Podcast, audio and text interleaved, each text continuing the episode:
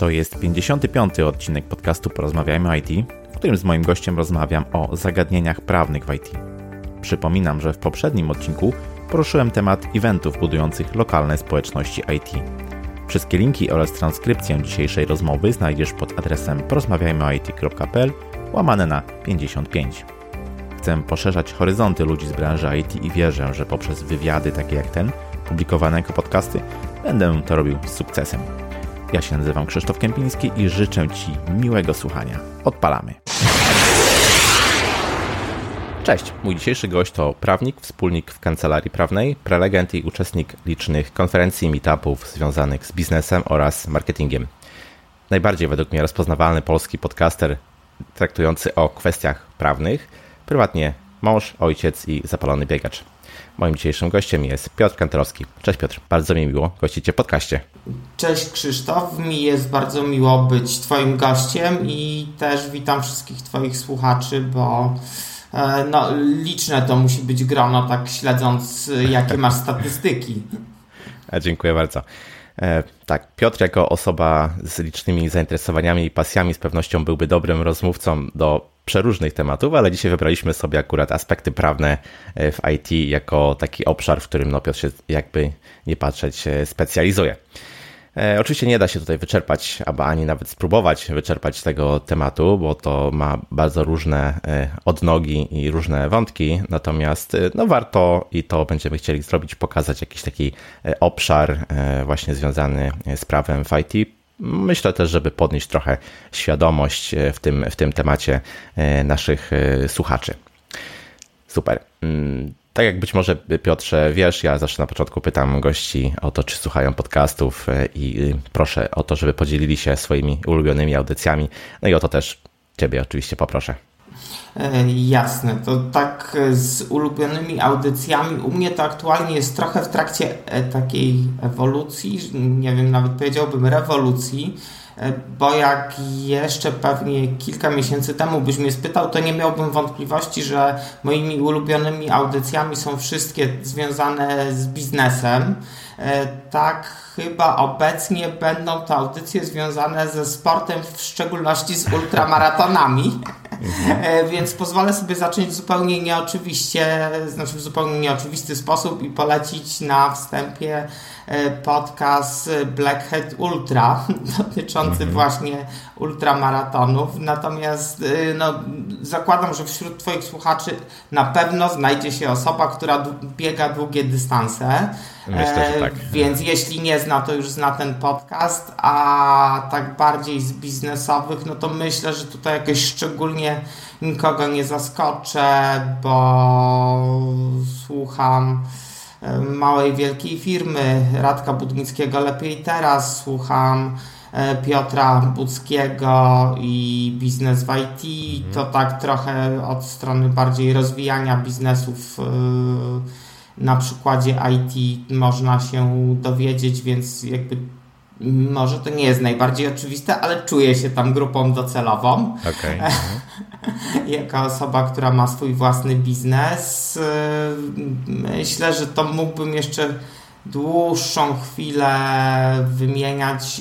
Może powiem na jaki podcast czekam, bo wiem, że ta osoba się mhm. zapisała na e, kurs do akurat Marka Jankowskiego, Piotrek Nabielec z produktywni.pl.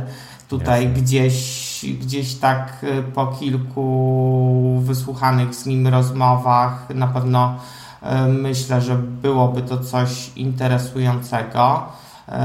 Tu tak zupełnie szczerym stwierdzeniem będzie, że słucham podcastu po co. E, a teraz tak dla niewtajemniczonych jest to podcast mojej żony Agnieszki tak. Kanterowskiej. E, słucham twojego podcastu, chociaż nie będę też mhm. kłamał, że wszystkich odcinków, bo no niektóre no powiedzmy nie czuję się w grupie docelowej tak do końca. E, mhm. Natomiast na pewno rewelacyjny odcinek o skramie. Masz mhm. w swoim portfolio, tak to określę. E, to tak z perspektywy prawnika, który mm, chce ten temat zgłębić, naprawdę świetnie podana wiedza. No i tutaj za ciosem jeszcze będzie oczywiście Manager Plus i Mariusz Hrabko. Mhm. I dobra, bo to nie miał być podcast na temat tego, jakich ja podcastów słucham, prawda? O czymś innym mieliśmy rozmawiać też, Boże. Jak sobie Jak przypomnę, że coś strasznie pominąłem, to tam w komentarzach pod odcinkiem. Pewnie, pewnie. To i tak jest bardzo fajna e, lista. Myślę, że godna, godna polecenia. Um, Okej, okay. no właśnie, przejdźmy może do naszego głównego wątku, czyli do prawa i IT, a właściwie do gdzieś przecięcia tych, tych dwóch dziedzin. E, wiem, że jako kancelaria e, specjalizujecie się w różnych kierunkach, też związanych z IT pośrednia albo bezpośrednia, na przykład ochrona danych, prawo y, twórców internetowych, e-commerce, startupy, to jakby nie było, z IT też ma dużo e, do czynienia. I zastanawiam się, czy ty jako prawnik musisz mm, posiąść taką wiedzę specjalistyczną, branżową właśnie z IT, z tych dziedzin, żeby być w stanie pomagać swoim klientom.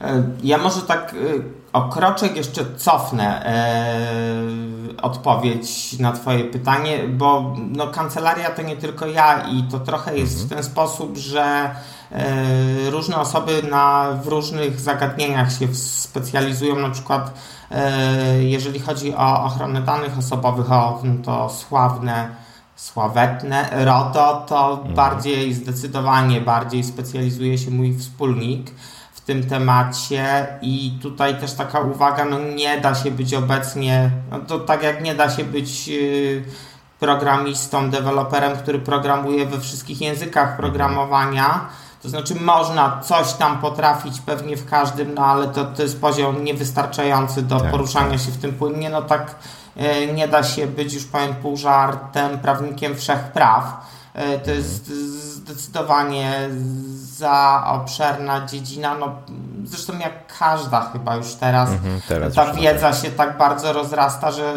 już y, ta, taka specjalizacja pod tytułem mhm. branża, no to jest dalej tak szeroki obszar, że nie jesteśmy w stanie tego ogarnąć y, jednym y, ludzkim mhm. rozumem i no, trzeba tworzyć zespoły, trzeba się specjalizować, trzeba obierać kierunki.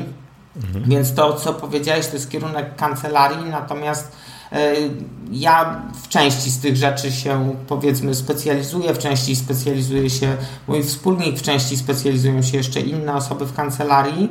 E, natomiast e, odpowiadając już teraz tak bardziej ściśle na Twoje pytanie, na pewno nie można oczekiwać od prawnika, że będzie miał wiedzę na równi z e, klientem, chociaż też powiedziałbym, że klienci jakby różni są, bo nie zawsze mhm. jakby osobą do kontaktu będzie dla mnie e, deweloper, e, jeżeli okay. chodzi o IT. Nawet powiedziałbym, że to rzadziej niż częściej. Częściej są to osoby zarządzające w danej firmie, które czasami wyrastały z, bezpośrednio z IT, a czasami raczej mają z tym niewielki związek. Mhm. Na pewno nasza wiedza no, nie jest taka jak wasza, no, mówiąc wprost, no, bo, bo, bo, bo to jakby byłoby niemożliwe, mhm. ale bez choćby takiej podstawowej to nie wiem, czy czasem nie za mało, no ale po, okay. nie, nie będę robił gradacji bez jakiejś wiedzy na temat branży, no mega trudno jest y, mhm. proponować jakiekolwiek rozwiązania. To też trochę jest tak, że wszyscy się uczymy, uczymy się przez całe życie, y, mhm. więc y, jeżeli ilość doświadczenia współgra z ceną za usługę, to czasami się można dogadać i obie strony wyjdą na tym powiedzmy zupełnie win-win, bo jeżeli mały software house y, zleci wykonanie, przygotowanie dla nich umowy prawnikowi, który jeszcze nie pracował z software house'em i obie strony sobie to powiedzą a, już nie mówię, żeby być tak mega uczciwym e, do granic możliwości, czyli nie chodzi o mhm. oświadczenie kurczę, no nie mam o tym pojęcia, ale jakoś dowiozę, bo to może gdzieś jednak ten marketing, marketing też się przyda. Natomiast no, śmiało można powiedzieć, że to doświadczenie y, kancelarii jest stosunkowo małe. Myślę, że z drugiej strony też jak padnie stwierdzenie, że no budżet software house'u na usługi prawne nie jest jakiś przesadnie wygórowany, mhm. jesteśmy się w stanie zawsze tu gdzieś okay. w takiej sytuacji dogadać. E, i korzystając z zasobów obu stron, to znaczy doświadczenia software house'u i wiedzy prawnika, zbudować umowę, która no, pewnie będzie gorsza niż umowa stworzona przez y, kancelarię, która od y, kilkunastu lat y, prowadzi prawnie projekty IT. Natomiast no, na pewno będzie lepsza niż umowa sklejona z czegoś, co się da znaleźć w internecie, więc.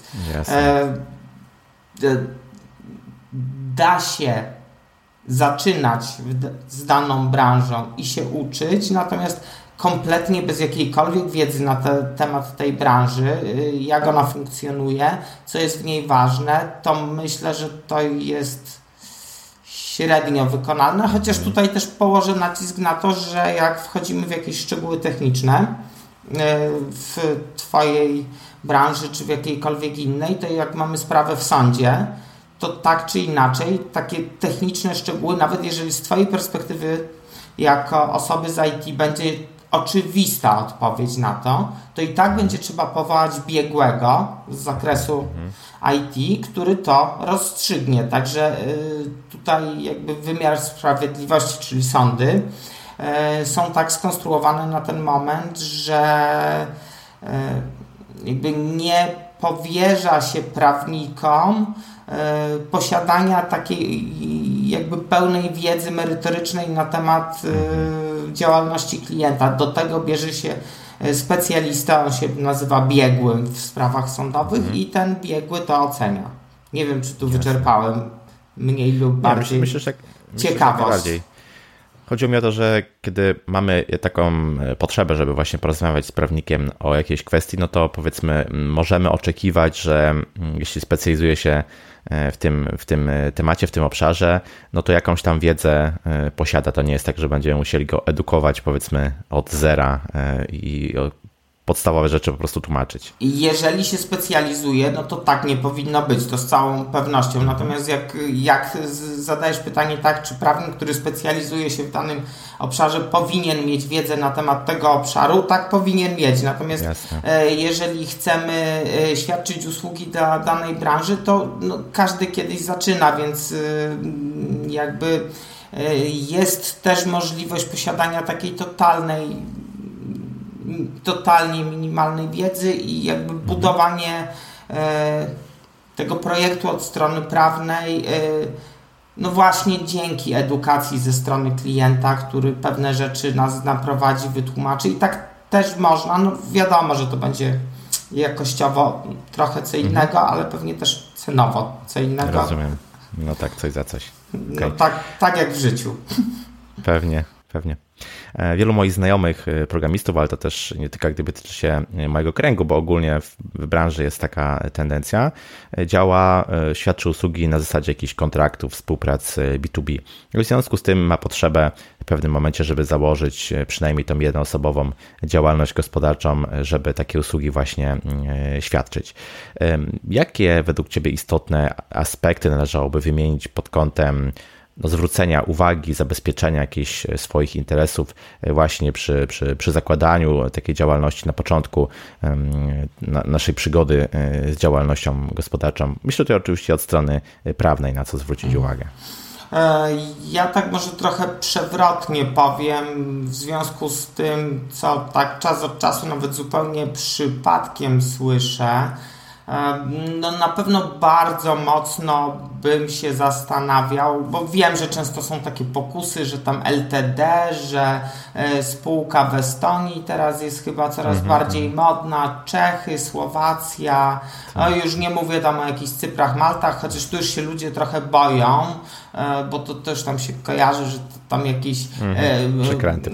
No, przy, miałem powiedzieć takie mocne optymalizacje podatkowe, no, tak. ale chyba twoje słowo było lepsze, więc na pewno jeżeli nawet ktoś by nas kusił takim modelem działalności, to bym sobie to 150 tysięcy razy przemyślał, bo najczęściej to jest tak, że ta preferencja podatkowa to wynika z tego, że my po prostu nie odprowadzamy podatku tam, gdzie powinniśmy, a powinniśmy go wtedy najczęściej w Polsce, jak tu mamy taką sytuację. I to jest taka podstawowa rzecz, żeby się nie dać zwieść na manowce obietnicami złotych gór, że wszystko będzie pięknie, jak tutaj e, sobie założymy biznes gdzieś tam, nie wiem, już nie będę faworyzował w tym zakresie żadnego kraju, bo jakby te formuły są na pewno ok, tylko no, szczególnie wtedy, kiedy tam realnie się prowadzi działalność. E, więc to jest pierwsza rzecz, o której moim zdaniem warto pamiętać, warto pomyśleć, że jakby naobiecywać jest łatwo, ale to nie zawsze ma jakiś związek z rzeczywistością. Y, więc no zostają nam tutaj, albo przynajmniej bardziej powinniśmy wziąć pod uwagę jakieś modele y, form działalności prawnej y, znane u nas w kraju i mhm. będzie to pewnie CIDG, indywidualna działalność albo jakieś spółki. Tu znowu uczulam, że przy takiej indywidualnej działalności gospodarczej, jakby od tej strony i w tym znaczeniu, że to jest praca no, jakby nie było chyba póki co jeszcze naszych rąk, tak? No bo e, jeszcze, no tak. E, je, w większości tak. jeszcze w dalszym ciągu to chyba w IT jest praca e, no, z klawiaturą. z klawiaturą. W każdym razie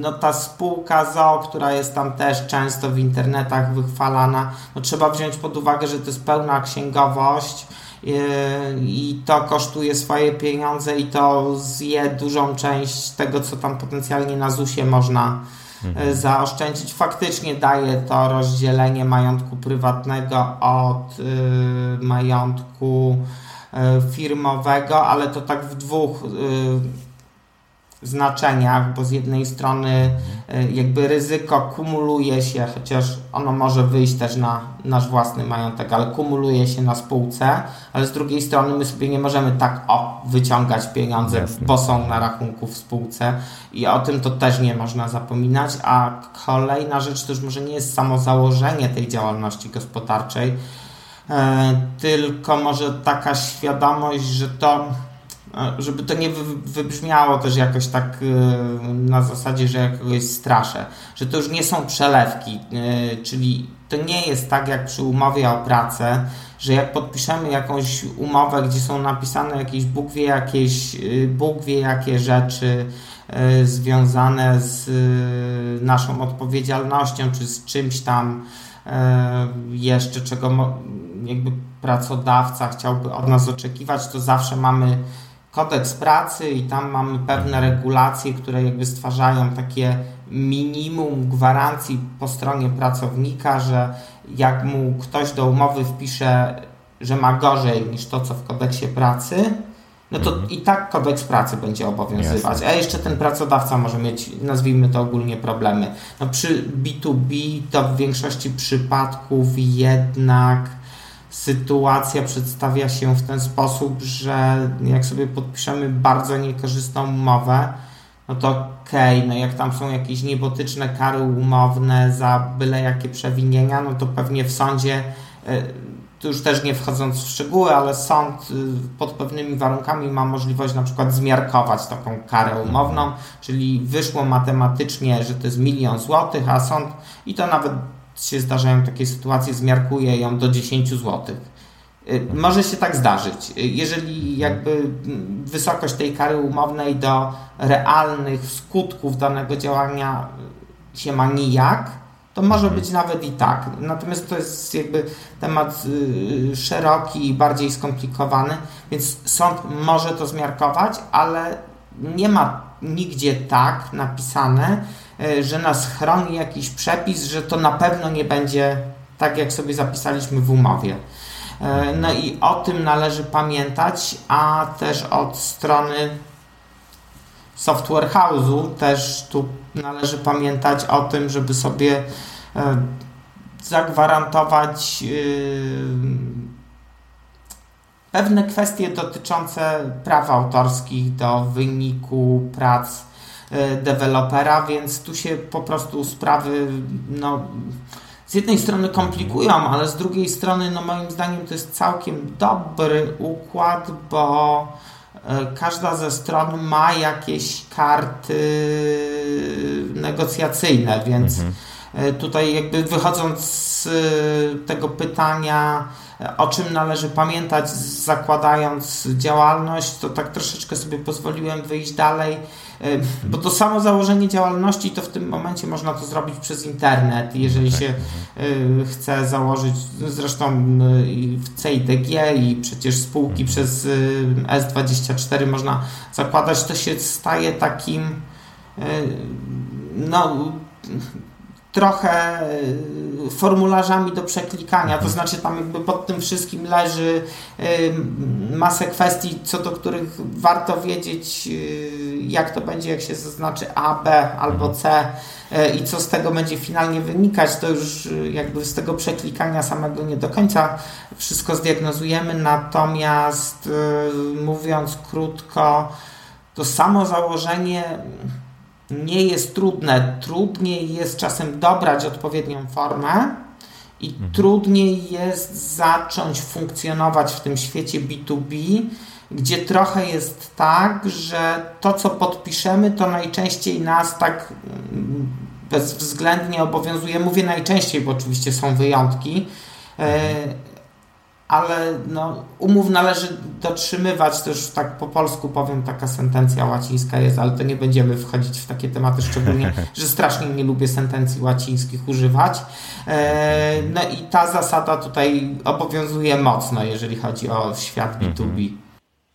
Jasne, jasne. Jakiś czas temu, zresztą teraz też sporo się mówi o, o RODO w różnych mniej lub bardziej przyjemnych, powiedzmy, okolicznościach. E, I zastanawiam się, czy taka osoba, która mm, ma do czynienia, w sensie myślę tutaj o programistach, najczęściej administratorach bazy danych, mm, takie, takie zawody, które mają do czynienia e, z danymi, powinny w jakiś sposób no, przynajmniej mieć świadomość albo, no nie wiem, e, martwić się tym, że może coś im grozić, jeśli powiedzmy zrobią pewne niewłaściwe kroki z takimi danymi. I to jak gdyby od dwóch stron mnie interesuje, bo z jednej strony mamy programistów pracujących na etacie, prawda, e, po prostu na umowę o pracę, a z drugiej strony właśnie ten model B2B. E, jakie tutaj, no nie wiem, zagrożenia, jeśli chodzi o przetwarzanie e, danych, mogą wystąpić w tych dwóch scenariuszach? Mm, zacznę od takiego stwierdzenia, to skomplikowane, ale zaraz postaram się chociaż trochę ten temat Y, opisać i tak, y, jakby zacznę od takiego stwierdzenia trochę pół żartem, że jeżeli chodzi o nienależyte postępowanie z danymi osobowymi, to myślę, że właśnie y, świat IT chyba najwięcej ma świadomości mhm. co do tego, jakie to niesie ze sobą zagrożenia, także jakby co do tak. faktów, no to mamy tu znaczy, moglibyśmy teraz się zamienić rolami i mógłbyś mnie trochę tutaj jeszcze uświadomić bardziej niż już jestem świadomy. E, natomiast e, przyjmijmy, że no, jednak dzisiaj ja opowiem, jak to wygląda od strony prawnej. Mhm. I najpierw mamy jakby ten układ, w którym mamy pracownika. E, I ten pracownik co do zasady, no, tak powiem trochę do przesady, a zaraz to wyjaśnię. E, no, pracownika to e, jakby nie interesuje, jak są zabezpieczone dane u jego pracodawcy, ale nie interesuje w tym sensie, że to nie on ponosi za to odpowiedzialność. Natomiast on powinien stosować się do procedur, które są wdrożone u danego pracodawcy. Co więcej, nieprzestrzeganie tych procedur, które są w jakby w bezpośrednim stopniu wypadkową regulacji prawnych, mhm. no, może być jak najbardziej oceniane za nienależyte wykonywanie obowiązków pracowniczych i może nieść ze sobą konsekwencje związane z wypowiedzeniem umowy o pracę, czy też sobie pewnie jestem w stanie wyobrazić dyscyplinarkę. To pewnie też zależy od tego, kto jest na jakim stanowisku, jakie tam ma realnie e, kompetencje, uprawnienia e, i obowiązki. Natomiast e, od tej strony to już jak najbardziej pracownika powinno interesować, co się dzieje z danymi osobowymi w firmie, w której pracuję i tutaj jakby też ten dostęp do tych danych, no to powinien być uregulowany tak wewnętrznie, jeżeli chodzi o pracodawcę. Prawie, że podobna sytuacja będzie w przypadku takich osób, które są na B2B, ale są takimi typowymi in-house'ami. To znaczy z nimi nie zawiera się, tu zaraz do tego przejdę tak bardziej szczegółowo, przynajmniej na takim stanowisku stoi większość osób, bo e, w, jeżeli chodzi o prawo, to RODO to jest taka czysto żywa świeżynka, tam dopiero rzeczy będą wyjaśniane, jak się zaczną mhm. e, czasy rozpatrywania odwołań od nakładanych kar, bo, bo dopiero wtedy w prawie powstaje e, jakaś linia orzecznicza. Na razie to się mhm. wypowiadają e, komentatorzy, inni mądrzy ludzie, którzy twierdzą, jak ich zdaniem być powinno, ale to dopiero sądy i organy to potem tak bardziej kształtują, oczywiście bazując na tych poglądach, które wcześniej były wypowiedziane. Mhm. Natomiast wracając do tych in-house'ów, to tam się przyjmuje w większości osób, przynajmniej tak przyjmuje, że nie trzeba żadnych umów o powierzenie przetwarzania danych osobowych E, tylko wystarczy upoważnienie do przetwarzania tych danych, e, czyli bardziej traktuje się takiego in-house'a jak pracownika niż jak podmiot zewnętrzny, któremu się zleciło jakieś czynności związane z danymi. I teraz tak, no już mamy taki czysty układ B2B, to jeżeli jest dostęp do danych osobowych, to powinna być co do zasady umowa o powierzeniu przetwarzania danych osobowych. No i tu już się rodzą pewne E, konsekwencje, w sensie osoba, której powierzamy przetwarzanie tych danych, no ponosi odpowiedzialność za to, że je przetwarza zgodnie z prawem. Ale tak jakby odwołując się do całej branży IT, to trochę jest tak, że jeżeli, y, tu już powiem zupełnie pół żartem, wy coś tam majstrujecie przy programie, w którym są dane, mówię, że coś tam majstrujecie, bo jak bardzo bym tego nie rozumiał, to i tak tego nie rozumiem.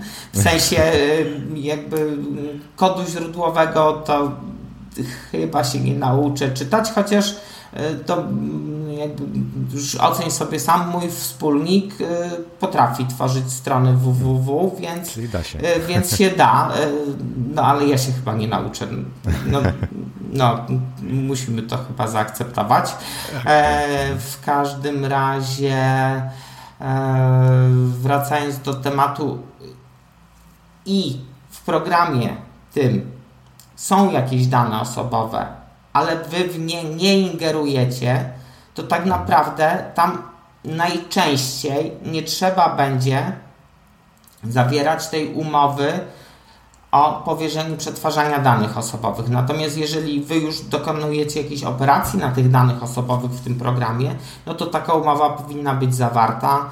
E, też jakby, dobra, przynajmniej ja mam takie skojarzenie e, z IT, e, znaczy to jest takie pośrednie skojarzenie firmy rekrutacyjne, bo jest dość dużo rekrutacji w tak, tak. kontekście deweloperów E, no to tam na przykład y, jest zawsze pytanie, czy w danym modelu rekrutacyjnym e, to taka firma pozyskuje dane osobowe dla zleceniodawcy, czy dla siebie i potem powierza zleceniodawcy. Mhm. Więc y, to taki przykład trochę jakby tylko pobocznie z IT związany, chociaż akurat miałem takie skojarzenie. Te tematy, no myślę, że jakbyś następnym razem zaprosił właśnie e, mojego wspólnika, który się w tym RODO specjalizuje, to mógłby Ci tu po 4 godziny tak streścić e, mniej więcej o, o, co w tym chodzi, żeby, żebyście mogli w następnym odcinku zacząć omawiać poszczególne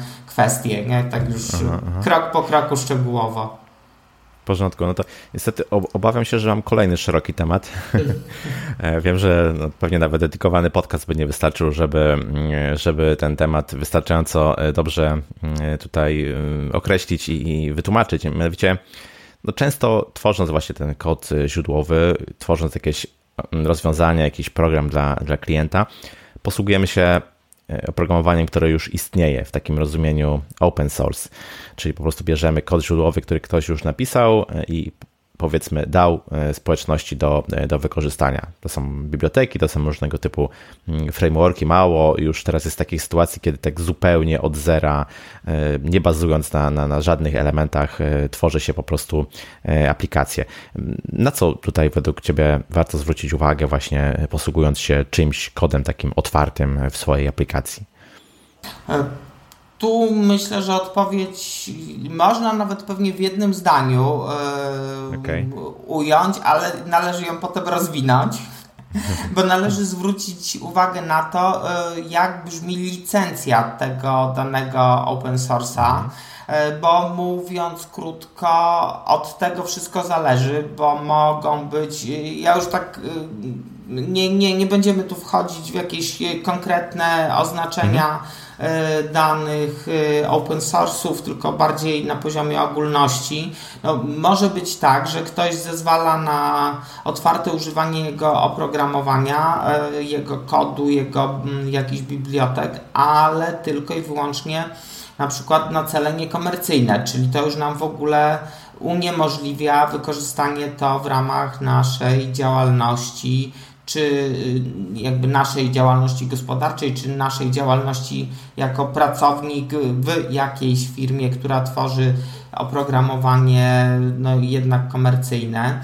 Może być tak, że jest na przykład zgodnie z licencją sytuacja tego typu, że może być użyty y, dany kod źródłowy w innym oprogramowaniu, ale tylko pod warunkiem, że to inne oprogramowanie będzie dokładnie na tej samej licencji, co użyty w nim kod. W każdym innym przypadku to już jest użycie sprzeczne z licencją i to jest y, z tego, co się orientuje copyleft, y, natomiast mhm. przeciwieństwem tego jest non-copyleft, czyli możliwość wykorzystania danego oprogramowania open source'owego w innym oprogramowaniu, które już niekoniecznie musi być e, udostępniane na tej samej licencji, czyli krótko mówiąc może być już komercyjne.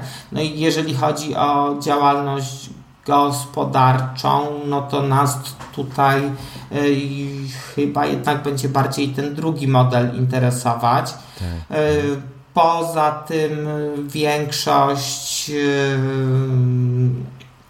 większość open source'ów jednak wymaga wskazania autora danego rozwiązania, mhm. więc tam też musimy sobie zawsze popatrzeć do licencji y, w jaki sposób, no bo to nawet może być y, jakby wymóg umieszczenia go czy gdzieś na poziomie interfejsu, czy mhm. gdzieś na poziomie jednak już tym niewidocznym dla przeciętnego tak. użytkownika. E, no i takich niuansików może być y, no powiedziałbym bardzo dużo. Tutaj też fajnie by było sobie w licencji sprawdzić, czy ona ma już tak mówiąc wprost taką formułę wieczystą, czyli że jej y, autor tego oprogramowania nie może y, nagle odebrać y, tego, temu rozwiązaniu tej formy open source'owej.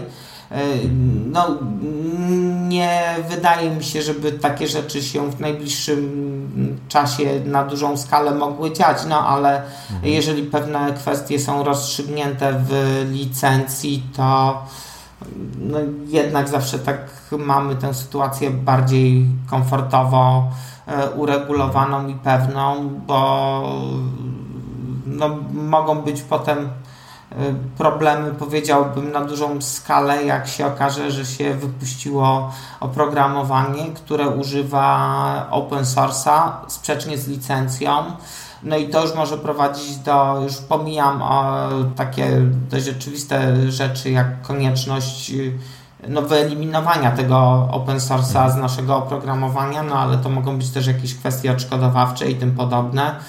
E, akurat jeszcze na kanwie e, open source'ów i IT no, nie słyszałem zbyt dużo o jakimś trollingu, ale w, w ogóle w świecie praw autorskich E, no to takie tematy się zdarzają, że ktoś pewne rzeczy wrzuca do sieci po to, żeby za chwilę powiedzieć, że a, a, a, a to nie tak miało być, to, to by się tylko wydawało, więc teraz pieniądze.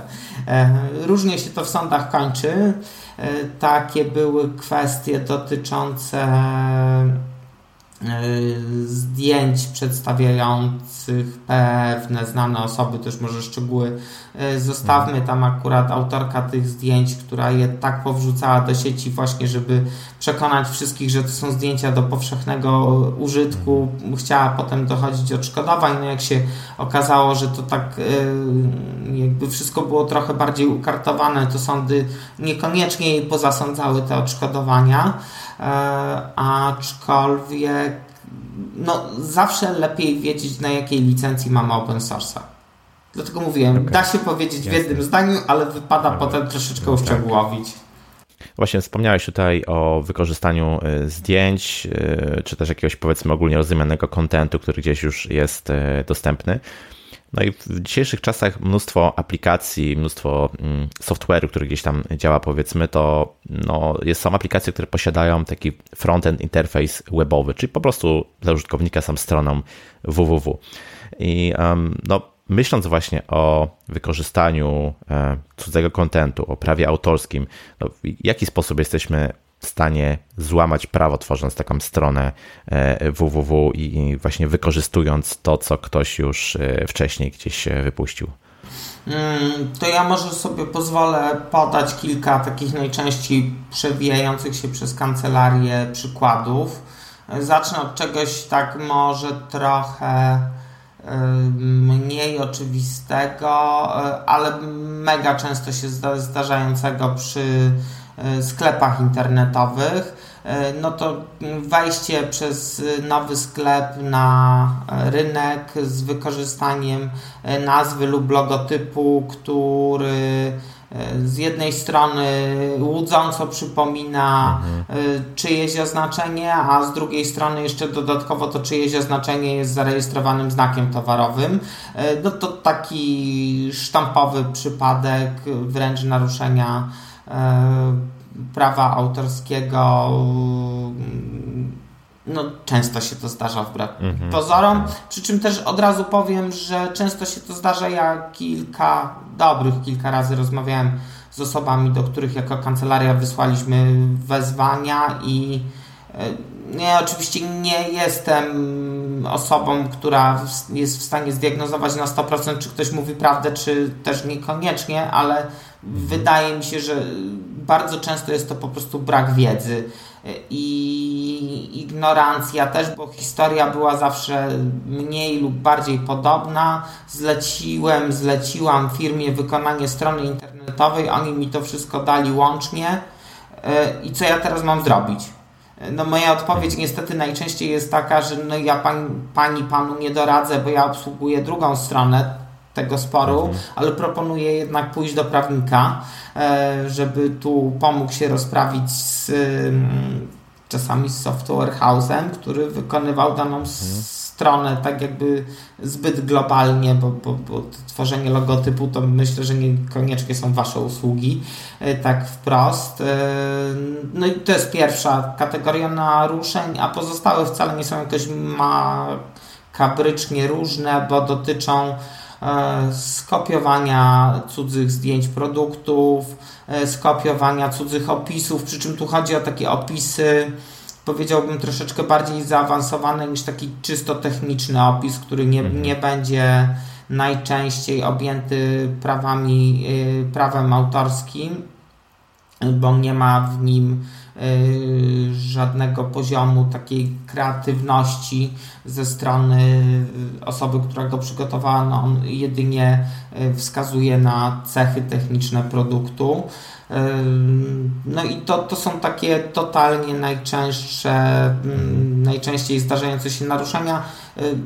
I tu mówię we wszystkich kategoriach, szczerze powiedziawszy, częściej mam wrażenie, że y, osoby, które są właścicielami tych y, e-commerce'ów, bo, bo to najczęściej na e-commerce'ach wychodzi, wcale nie są świadome do momentu otrzymania pisma z kancelarii, że się dopuściły takiego no, naruszenia prawa i że to może mieć określone sankcje, w tym nawet sankcje karne w większości przypadków te sprawy się kończą na zasadzie takiej, e, że proszę dać nam kilka dni, żebyśmy mogli to wszystko ściągnąć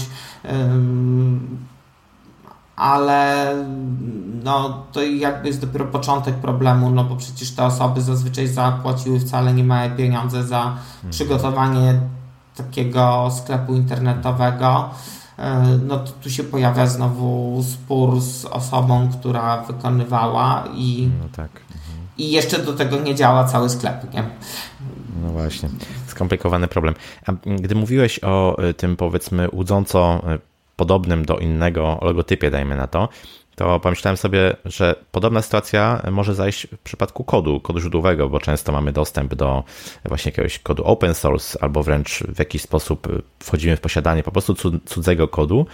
No i też jesteśmy w stanie zmienić powiedzmy kilka linijek, e, dajmy na to, w takim kodzie źródłowym, nawet w ten sposób, że niekoniecznie się musi zmieniać zachowanie. Powiedzmy, efekt jakby jest ten sam, natomiast inaczej po prostu, dajmy na to, napisaliśmy jakiś tam fragment, fragment kodu, lekko go zmodyfikowaliśmy, no i możemy e, spróbować rozprowadzać go powiedzmy pod naszym e, szyldem, tak, chwaląc się, że to jest, jest nasze działo. Zastanawiam się, czy same jakiekolwiek regulacje prawne albo, no nie wiem, jakaś ilość linijek procentowo, czy, czy cokolwiek, jakikolwiek taki tutaj współczynnik, który by świadczył o tym, że to już jest nowe dzieło, prawda, a nie tak de facto wzięcie czegoś, co e, ktoś stworzył, lekkiego tuningu i, i chwalenia się, że to, że to my zrobiliśmy. Mhm.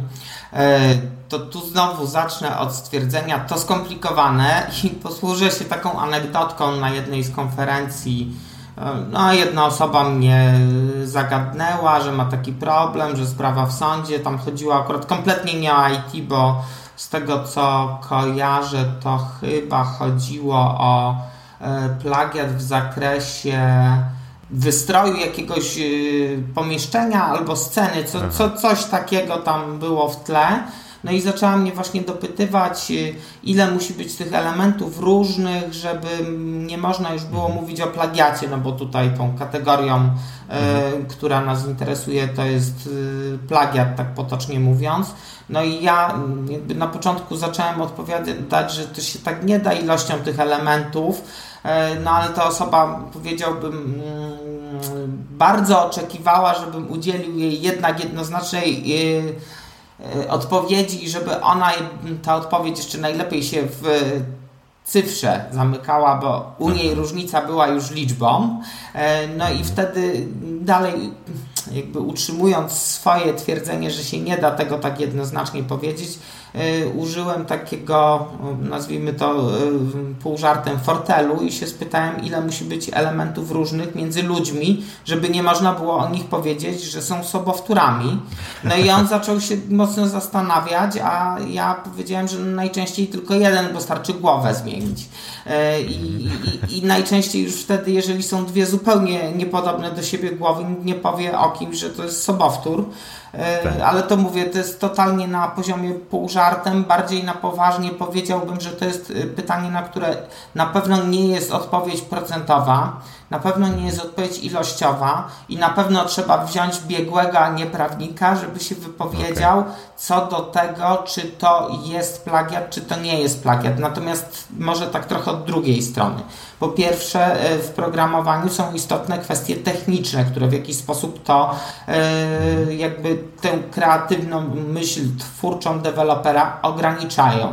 E, bo jak chcemy, żeby nasze oprogramowanie działało w jakimś tam środowisku z jakąś prędkością, miało jakieś tam inne cechy, no to mamy wymuszone pewne kwestie stricte techniczne. E, I jak jesteśmy w ramach tych technicznych kwestii, no to tu absolutnie nie może być mowy o tym, że e, pojawienie się dwóch takich samych rozwiązań w dwóch różnych oprogramowaniach ma cokolwiek wspólnego z plagiatem. Nie, to jest po prostu wymuszone środowiskiem, w którym ma działać program, albo tym, jak ten program ma działać. To jest po pierwsze. Po drugie, jest też tak, że nawet jeżeli programy robią totalnie to samo, to to jest na poziomie idei i metod najczęściej i to w ogóle jakby się nie mieści w ochronie prawno-autorskiej. Po trzecie, na poziomie kodów to jesteśmy na prawie autorskim jako program komputerowy, ale na poziomie podobieństwa tych interfejsów graficznych, to one mogą podlegać ochronie, ale jako już taki zwykły utwór, a nie na poziomie właśnie y, okay. kodu źródłowego.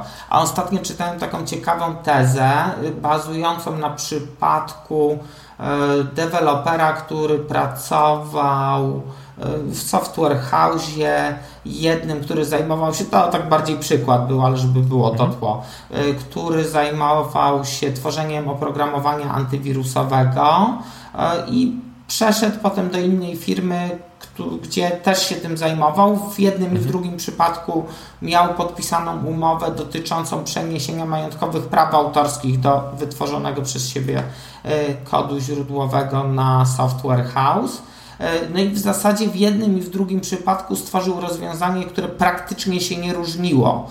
E, I to nie był przypadek e, taki, powiedziałbym, sądowy, a bardziej ktoś rozważał taką ewentualność i postawił taką tezę, że nawet takie łudzące podobieństwo w tym konkretnym przypadku, kiedy to jest ta sama osoba, nie kiedy my bierzemy cudze, niekoniecznie musi świadczyć o plagiacie, przy tym przeniesieniu majątkowych praw autorskich e, na software house, bo może to być sytuacja e, tego typu, że to jest po prostu charakterystyczny styl programowania tego okay. dewelopera. I tu myślę, że Ty byś mógł więcej powiedzieć na ten temat. E, czy każdy deweloper ma swój charakterystyczny styl programowania? E, dla mnie to jest e, interesujące spojrzenie na e, sprawę, której no ja już chyba na tym poziomie nie będę w stanie tak dobrze pojąć, jak ktoś, kto jednak siedzi w programowaniu jakby od środka, bo żeby pomówić o tym, czy coś jest jakimś takim charakterystycznym naszym stylem, to trzeba samemu dobrze to robić, bo dopiero od momentu, kiedy jesteśmy w czymś dobrzy, y, to zaczynamy tworzyć, a nie odtwarzać. No i, i tutaj. Jasne. Ja myślę, że to jest tak jak z każdym innym rzemiosłem, to znaczy każdy rzemieślnik, który wykonuje swoją pracę, ma jakiś swój styl i też korzysta z jakichś określonych narzędzi, które po części wpływają na ten, na ten styl. I tak samo jest y, z programowaniem. Nie ma jak gdyby jednej właściwej ścieżki, czy jednego sposobu rozwiązania tego problemu. Możemy się po pierwsze posługiwać różnymi narzędziami, a po drugie bazując na swoich doświadczeniach, no gdyby też y, ten kod trochę inaczej wygląda. Oczywiście no, to nie jest tak, że jesteśmy najczęściej w stanie na podstawie kodu powiedzieć, kto to na, napisał, bo to, to zbyt daleko byłoby posunięte twierdzenie. Natomiast, y, natomiast myślę, że jest coś takiego, że jakaś charakterystyczna taka E, nutka jest i tak jak mówiłeś właśnie o tym, o tym deweloperze, to też przyszło mi na myśl, że nieraz jest tak, że właśnie taka możliwość rozwiązania jest tak naprawdę jedna albo, albo dwie. W sensie no nie da się jak gdyby inaczej danego problemu e, rozwiązać. Ten, ten, ten wachlarz jest tak na tyle ograniczony, że ciężko by było mówić, że ktoś, kto zrobił to właśnie w ten sam sposób, no nie wiem, no, tak naprawdę tutaj mówimy, czy można mówić o plagiacie, bo, bo istnieje jakaś jedna albo dwie, powiedzmy, możliwości rozwiązania tego i inaczej się na, tą, na tę chwilę y, po prostu nie da. I, I, jest dokładnie tak, jak ty powiedziałeś. No, y, to jest to, o czym ja mówiłem na początku, te kwestie techniczne dotyczące y, programowania, czy, czy same jakby możliwości rozwiązania danej kwestii, no to to jakby uniemożliwia nam dopuszczenie się plagiatu, jeżeli y, sama możliwość rozwiązania czegoś jest tylko jedna, już tak dla uproszczenia, no to y, jak kilka osób robi oprogramowanie, które ma mieć tę samą funkcję, no to siłą rzeczy będzie musiało je w tym przynajmniej zakresie napisać dokładnie identycznie. A Jasne. tu już nie mamy ochrony, Chyba, że tu jeszcze sobie pozwolę tak trochę uciec na jakiś taki inny aspekt, y, bo jeżeli chodzi o oprogramowanie, to tak powiedzmy, że na trzech płaszczyznach ono znajduje ochronę taką podstawową, to są właśnie prawa autorskie. Mhm. Można troszkę porozmawiać o patentach, ale tam to skomplikowane, to mało powiedziane. I jest jeszcze kwestia dotycząca e, tajemnicy mm, przedsiębiorstwa, tak mówiąc w uproszczeniu, tylko to nie będzie na pewno dotyczyło e, tych e, programów, które są jakby mocno gdzieś eksploatowane rynkowo, no ale może się zdarzyć, że jest jakieś oprogramowanie dedykowane w ramach danej firmy i ono tam się rozwinęło i ktoś jakby stworzył to jakby wykorzystał ten jeden, jedyny wariant w mhm. danym kodzie, no ale dowiedział się o nim bezprawnie właśnie poprzez y, pozyskanie informacji, y, która była, y, no powiem tak, takim słowem, które mi przyszło teraz do głowy, która była strzeżona w danej firmie, chociaż to słowo myślę jest całkiem adekwatne w ramach jakiegoś oprogramowania, które wcale nie było przeznaczone do wypuszczenia go na rynek, tylko miało służyć tej właśnie firmie, no to wtedy by mogło dojść do naruszenia prawa, tylko troszeczkę na innej płaszczyźnie. Jasne. Myślę, że z tych trzech warstw to, co się najbardziej przyda, e, albo to, z czym mogą mieć do czynienia słuchacze tego podcastu, to są właśnie prawa autorskie. Mógłbyś chwilę e, powiedzieć o takich najistotniejszych aspektach związanych właśnie z przenoszeniem e, praw autorskich w przypadku, dajmy na to, kiedy pracujemy jako freelancer i realizujemy jakąś, jakiś program komputerowy dla, dla naszego klienta?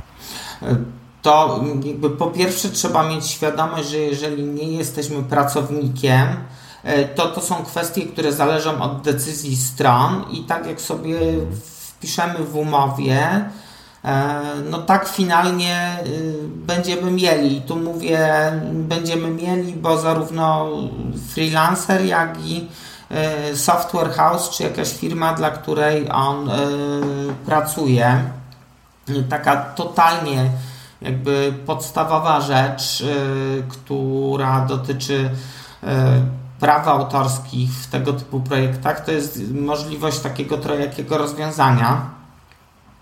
E, możemy udzielić e, software house'owi, e, chociaż tu pewnie bardziej będziemy mm, mieli taką sytuację w przypadku aplikacji SaaS-owych, licencji niewyłącznej, czyli krótko mówiąc, ty mój drogi klienci możesz korzystać z tego, co ja zrobiłem i wszyscy inni też.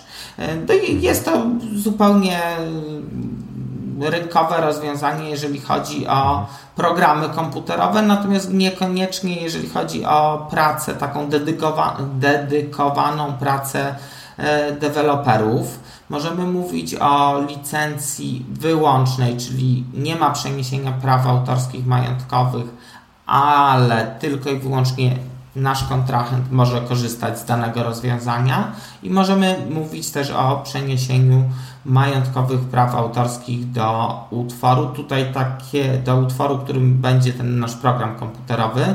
E, I tutaj takie jeszcze rozróżnienie, że te prawa autorskie są majątkowe i osobiste. Tych osobistych nie można przenieść, można co najwyżej jakby to już też bo to jest temat bardzo skomplikowany, jeszcze bardziej niż te, co mówiłem, że są skomplikowane. E, nazwijmy to, że można bardzo mocno ograniczyć naszą możliwość ich wykonywania. E, czyli możemy się tam, nazwijmy to tak bardzo ogólnie zrzec niemal w całości e, przysługujących nam tytułu tych, z tych osobistych praw autorskich uprawnień. Częstym rozwiązaniem jest właśnie w relacji software house i developer, y, freelancer jest przy modelu B2B przeniesienie majątkowych praw autorskich z freelancera, dewelopera na software house. Tutaj jakby no, istnieje gdzieś to ryzyko dotyczące E, naruszenia e, praw autorskich do kodu, który przenieśliśmy na software house, z którym współpracowaliśmy, robiąc coś innego później. E, no to to jest ta kwestia, o której rozmawialiśmy przedtem dość długo, więc już może tego nie powielajmy. Jakimś rozwiązaniem, chociaż wcale mocno niespotykanym na rynku, jest tworzenie jakby takiego współuprawnienia do wykonywania tych majątkowych praw autorskich między deweloperem a software house'em. Tu zawsze warto uregulować, na jakich zasadach się to odbywa i to też nie jest kwestia taka jakby czyniąca prostym całą sytuację, ale może przejdźmy do takich trochę prostszych, e, w sensie bardziej klarownych i oczywistych e, części całego zagadnienia. E, jeśli chcemy mieć to przeniesienie majątkowych praw autorskich, to przede wszystkim, czyli ta, taka najczęściej spotykana sytuacja, jeżeli chodzi o te relacje, to przede wszystkim musimy mieć podpisaną umowę na piśmie i tu w świecie IT to myślę, że powinienem na to uczulić, że na piśmie to wcale nie jest wymiana podpisanych skanów, e, bo to nie jest w świetle przynajmniej na razie polskiego prawa. E, zawarcie umowy w formie pisemnej, to musi być ta tradycyjna forma gdzie obie strony, może niekoniecznie równolegle, bo to można sobie te dokumenty zawsze przesłać, ale podpisują tym niekoniecznie niebieskim, bo wcale nie musi być to niebieski długopis lub pióro, yy, kartkę papieru yy, i wtedy mamy pierwszy element prowadzący nas powolutku do przeniesienia majątkowych praw autorskich. Mhm E, kolejnym elementem jest wskazanie, na jakich polach eksploatacji my przenosimy te majątkowe prawa autorskie. I ja powiem tak, spotkałem się z tezami, że można napisać w umowie wszystkich istniejących i jest to prawidłowe. Natomiast yy, ja nie jestem do tego poglądu jakoś wyjątkowo przekonany. Raczej skłaniam się w kierunku. Um, postawienia tezy, że trzeba te pola eksploatacji wymienić i to tak szczerze powiedziawszy, jak tak chcemy szeroko to ująć, to w naszych umowach to jest gdzieś bliżej dwóch stron A4 niż, niż półtora strony A4, taka wyliczanka, chociaż fakt faktem zaczynamy ją od wskazania, że na wszystkich znanych chwili podpisywania umowy polach eksploatacji, w tym w szczególności, e, bo skoro jest szansa, że ta formuła wszystkich znanych przejdzie, jak to ładnie ująłeś, to, to dlaczego z niej nie skorzystać? Natomiast ze względu na to, że tego poglądu jakoś tak wewnętrznie w kancelarii nie podzielamy, to jednak rozwijamy tę myśl później maksymalnie szeroko. E, I to jest kolejna ważna rzecz, y, żeby określić te pola eksploatacji, terytorium i czas, y, mhm. na którym, y, przez który możemy, przez które będzie przeniesienie tych praw autorskich. No to jest zazwyczaj e, bez ograniczeń terytorialnych i e, jeżeli chodzi o czas, no to ja się nie spotkałem z jakimiś ograniczeniami czasowymi, raczej się tu wskazuje przy takiej formule, e, nazwijmy to tak, że to jest wieczyste przeniesienie, czyli raz na zawsze i definitywnie. E, terytorialnie, no to tak jak wspomniałem, nie, nie spotkałem się też z umowami, żeby wskazywały na obszar szerszy niż e, naszego świata. E, cho, chociaż może będzie trzeba za niedługo. No, w IT to nigdy nie wiadomo. Myślę, że w najbliższym czasie to może być faktycznie szerzej. E, znaczy, ja powiem tak, e, dla NASA nie pracowałem i dla Ilona Maska też nie, więc jakby tych standardów umownych nie znam. Jasne. No tu pewnie można by było się mocno zastanowić, czy zasadnym byłoby aż takie zawężanie tego obszaru. E, czyli do tej naszej kuli ziemskiej. E, w każdym razie już do bardziej poważnych tutaj rzeczy wróćmy. E, jest kolejną kwestią istotną, żeby w tej naszej umowie wskazać, jakie jest wynagrodzenie za przeniesienie majątkowych praw autorskich na każdym z tych pól eksploatacji, które wskazujemy. Przy czym tu od razu mówię, że jak ich jest tam, dajmy na to 20, to nie chodzi o to, żeby tak wpisać, że tam e, przy podpunkcie pierwszym 20 zł, podpunkt drugi 120 zł, podpunkt trzeci 3200 zł. Można to jakby ująć globalnie i to nawet do tego stopnia, że za e, jakby podać jedną cenę za stworzenie danego oprogramowania, danego rozwiązania i przeniesienie majątkowych praw autorskich na polach eksploatacji, które są w umowie wskazane i wymienione. Czyli to może być jedna kwota, tylko ważne do czego ją przyporządkujemy. E, I na kanwie jednej z umów, która akurat kompletnie nie miała nic wspólnego z IT, ale nad którą ostatnio e, pracowałem i miała e, dużo wspólnego z prawami autorskimi, odradzam wskazywanie, że to przeniesienie majątkowych praw autorskich jest nieodpłatne. Z jednej strony powiedziałbym, że może budzić to wątpliwość przy jakichś rozstrzygnięciach sądu w przypadku sporu, czy mhm. to y, nie jest y, sprzeczne z naturą akurat tej umowy, która jest umową B2B, jakby z założenia odpłatną, ale to może nawet bym zostawił jako taki zupełnie potencjalny, hipotetyczny scenariusz. Natomiast na pewno takie rozwiązanie się bardzo spodoba skarbówce, e, ponieważ z jednej strony podmiot, który świadczy nieodpłatnie, to powinien sobie e, z tego powodu doliczyć podatki e, i je zapłacić, a ten drugi to ma tak samo nieodpłatne świadczenie też E, powinno być po jego stronie przychodem, także e, wszyscy tracimy. Po, poza oczywiście urzędem skarbowym. No tak, tak. Oni zawsze, zawsze gdzieś tam na plus wychodzą. Okej. Okay. Um, Piotrze, tak już e, bardziej na koniec mam takie pytanie, może trochę z innej beczki, ale jednak z IT mocno powiązane, bo zawód prawnika jest wskazywany jako jeden E, z takich zawodów, które potencjalnie w przyszłości może być zastąpiony przez e, sztuczną inteligencję. Powstają jakieś e, startupy czy, czy, czy produkty, powiedzmy, umożliwiające taką automatyczną albo półautomatyczną, dajmy na to możliwość konstruowania umów i tak dalej, i tak. Jakie jest twoje, twoje zdanie osoby, która mm, zajmuje się prawem na co dzień, która, która ma do czynienia z, z klientami i na ile myślisz, że to jest zagrożenie dla twojej pracy?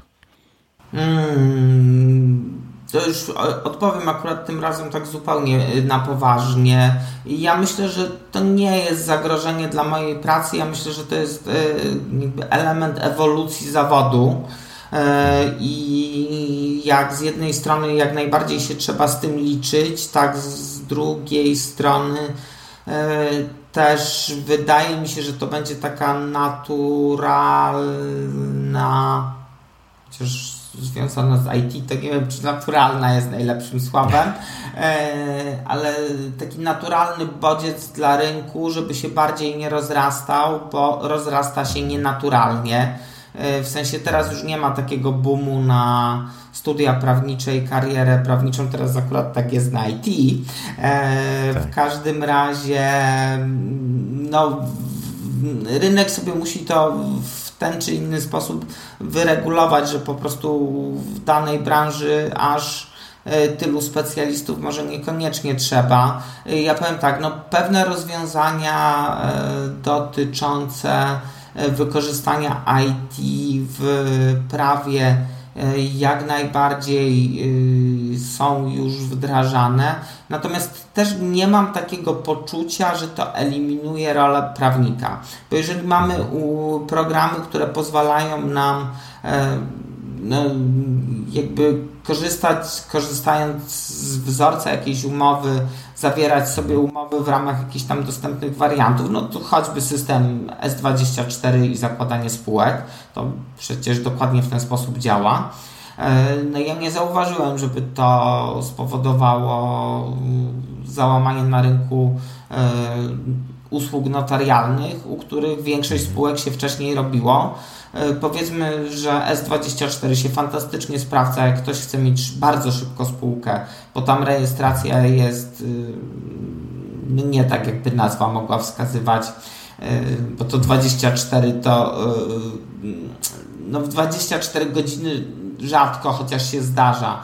Tam niby jest do 36 godzin ta rejestracja i tu już raczej się wszystko faktycznie w tym czasie zadzieje. Rejestracja tak normalnie spółki to jest około dwóch tygodni. Natomiast jeżeli ktoś chce mieć taką spółkę no, szytą na miarę dla siebie, e, to on czy na etapie jej zakładania, czy na etapie zmiany tej umowy i tak do tego notariusza trafi, bo dopiero jak pójdzie do notariusza, to będzie mógł um, sobie tę spółkę, krótko mówiąc, na tę miarę uszyć. E, kolejna kwestia, która moim zdaniem tych prawników tak z rynku całkiem nie, nie, wy, nie, wyprze. nie wyprze, nie wyrzuci, no to jest kwestia tego, że jednak z jednej strony tak, jak będą powstawać takie programy, no to ktoś musi ten wsad merytoryczny, prawny do tego napisać.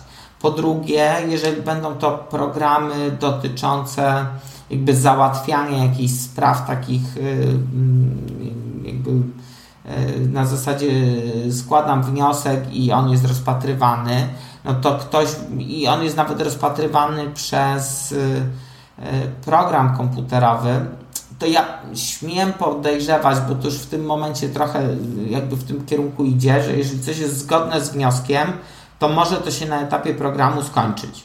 Ale jeżeli ma być odmownie rozpoznany, to to ma trafić do człowieka, żeby człowiek to jeszcze na to spojrzał mhm. po ludzku, w sensie e, sprawdził, czy raz e, program nie popełnił jakiegoś błędu, dwa, czy tam e, jednak to się w ramach jakiegoś wyjątku nie mieści. No i jeszcze pewnie opcji jest 150 i to trochę też mm, jakby widzimy, e, że no nie wiem, algorytmy E, dotyczące YouTube'a i właśnie praw autorskich, to jak z poziomu algorytmu może nam film na YouTubie nie przejść, tak, tak. E, tak, jak już piszemy reklamację tego, że nam tego filmu nie puścili i argumentujemy, no to to raczej rozpoznaje człowiek. Znaczy ja tego człowieka nie poznałem i zakładam, że to nie jest jeden człowiek.